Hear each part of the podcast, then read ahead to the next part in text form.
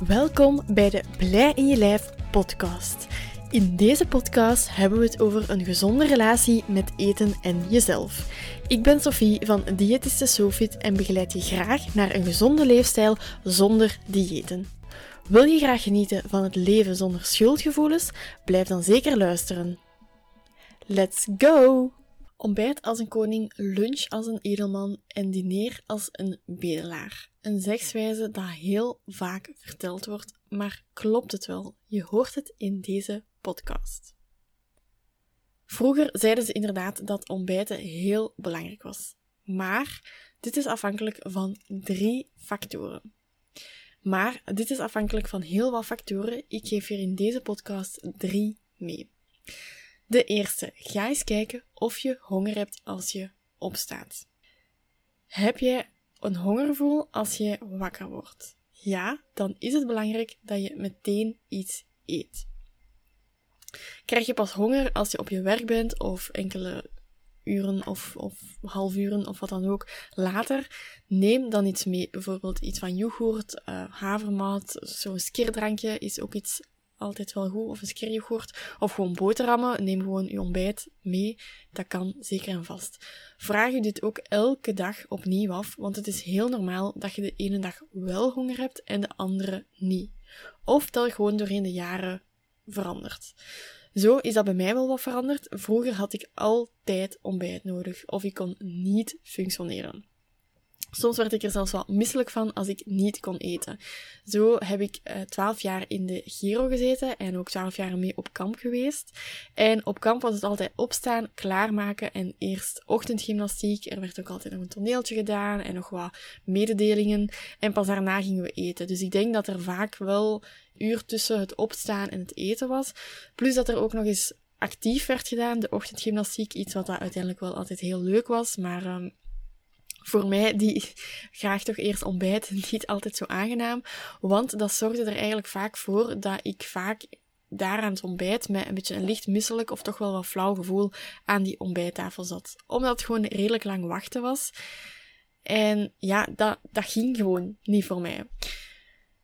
Nu heb ik gemerkt de laatste tijd is dat wel wat veranderd. Ik heb niet altijd meteen nood aan een ontbijt nu de laatste tijd, zolang dat ik geen fysieke inspanningen hoef te doen. Want het kan nu soms al zijn dat ik een uur wacht voor ik ontbijt en dat is helemaal oké. En dat verschilt ook echt van de ene dag tegenover de andere dag. En eigenlijk ook wel, ik ga ook kijken als ik bijvoorbeeld opsta en ik moet direct consultaties gaan doen. Dan ga ik altijd willen iets eten, want ik weet dat ik na een uur toch sowieso wel honger krijg. Maar er zijn enkele dagen in de week dat ik in de ochtend van thuis uitwerk, dus dan kan ik eigenlijk eten wanneer ik honger krijg. Dus dan kan het goed zijn dat ik eerst wat werk of eerst wat in het huishouden doe en dat ik daarna een ontbijt neem. En dat is ook helemaal oké. Heb jij nu zoiets van, ja, maar ik voel eigenlijk helemaal mijn honger niet aan, dus ik kan dan niet weten of ik een ontbijt nodig heb of niet, dan zou ik u wel aanraden om regelmatig een maaltijd te nemen. Dus ook altijd een ontbijt dat aanvoelen of kijken wanneer je een ontbijt nodig hebt, dat is best enkel als je dat echt goed kunt aanvoelen. Als je dat niet aanvoelt, is best dat je gewoon altijd een ontbijt neemt. Maar als je zegt, ik neem dat dan een uur later, is dat ook helemaal oké. Maar weet dus dat dat kan veranderen. Vroeger kon ik mij dat niet indenken dat ik um, geen ontbijt zou nemen direct als ik opsta. En nu, de afgelopen jaren, heb ik eigenlijk niet echt het gevoel dat ik dat altijd nodig heb. Misschien ook omdat ik er zelf veel bewuster mee ben met mijn honger en verzadiging. Maar soms heb ik ook gewoon geen honger. Maar weet ik, als ik nu niet eet, dan moet ik nog drie uur wachten. En dan ga ik zeker wel honger hebben, want zo lang zonder eten, dat is gewoon onmogelijk voor mij. Um, toch voor s'morgens. Dan ga ik wel iets gaan eten. Maar dan ga ik wat lichter, iets lichter eten, omdat ik, ja, er natuurlijk niet wil voor zorgen dat ik een overvol gevoel heb. Dus dat is de eerste factor. Heb je honger als je opstaat? Het tweede is, heb je altijd de mogelijkheid om te eten wanneer je wilt. En dat is wat ik hier net ook al een beetje gezegd heb. Misschien sta je niet op met honger, maar als je in de ochtend niks eet, is misschien de volgende gelegenheid pas om 12 uur, doordat je misschien niet mocht eten op je werk. En dat is vaak bij shiftenwerk of bandwerk. Of misschien heb je ook gewoon geen tijd om te eten. Ik denk als je ook als leerkracht of zo voor de klas staat, dat dat ook niet altijd gemakkelijk is. Dus ga bij u gaan kijken kan ik eten wanneer dat ik wil. Misschien bij een bureaujob gaat dat wel iets gemakkelijker, dus kunt je dat meenemen. Maar als je dat niet kunt, is het wel echt belangrijk dat je iets eet en dat je niet pas om één uur iets gaat eten. Heb je geen grote honger als je opstaat, dan hoeft dat ook niet groot te zijn. Hè? Een yoghurtje, een stukje fruit, um, die skierdrankjes, allemaal ideaal om te eten. Je hoeft u niet vol te gaan proppen, maar gewoon dat je toch al iets binnen hebt. Als je dat niet gaat doen, als je niks gaat eten en gaat wachten tot 1 uur, dan is de kans heel groot dat je in de middag een supergrote honger gaat hebben en een grotere portie gaat nodig hebben om je verzadigd te voelen. Dus daarom is het belangrijk om wel echt regelmatige maaltijden te gaan eten. Maar als je goede honger en verzadiging kunt aanvoelen, probeer dan voor jezelf te gaan kijken wanneer moet ik die nemen. En de derde factor waarnaar je kan kijken om te weten of je een ontbijt moet nemen of niet, Ga dan een keer kijken of dat je op het einde van de dag vaak vervalt in een eetbui. Heb je het gevoel dat je s'avonds je honger maar niet gestild krijgt, dan is de kans heel groot dat je overdag niet voldoende eet. Als je overdag een heel drukke of stressvolle dag hebt, of je moet je concentreren op iets, dan is de kans heel groot dat je lichaam de focus gaat leggen op de activiteiten die er zijn, dat de, je lichaam cortisol gaat aanmaken ook, waardoor dat er geen hongersignaal gaat uitgestuurd worden. Maar eens dat je dan thuis komt en je denkt, oké, de dag is voorbij, ik kan nu ontspannen, in de zetel gaan zitten, dan gaat je cortisol, dus de cortisol is je stresshormoon, gaan dalen en gaat je hongergevoel er gaan doorkomen. Dus ga een keer voor jezelf kijken naar je eetpatroon. Neemt je geen ontbijt en heb je altijd dat ongestilde gevoel s'avonds, ga dan een keer proberen om wel een ontbijt te nemen. En dat kan gewoon een stukje fruit zijn. Hè? Zoals ik hier net zei, dat hoeft geen grote maaltijd te zijn, maar door regelmatig te gaan eten, gaat je ervoor zorgen dat je s'avonds minder in eetbuien gaat belanden.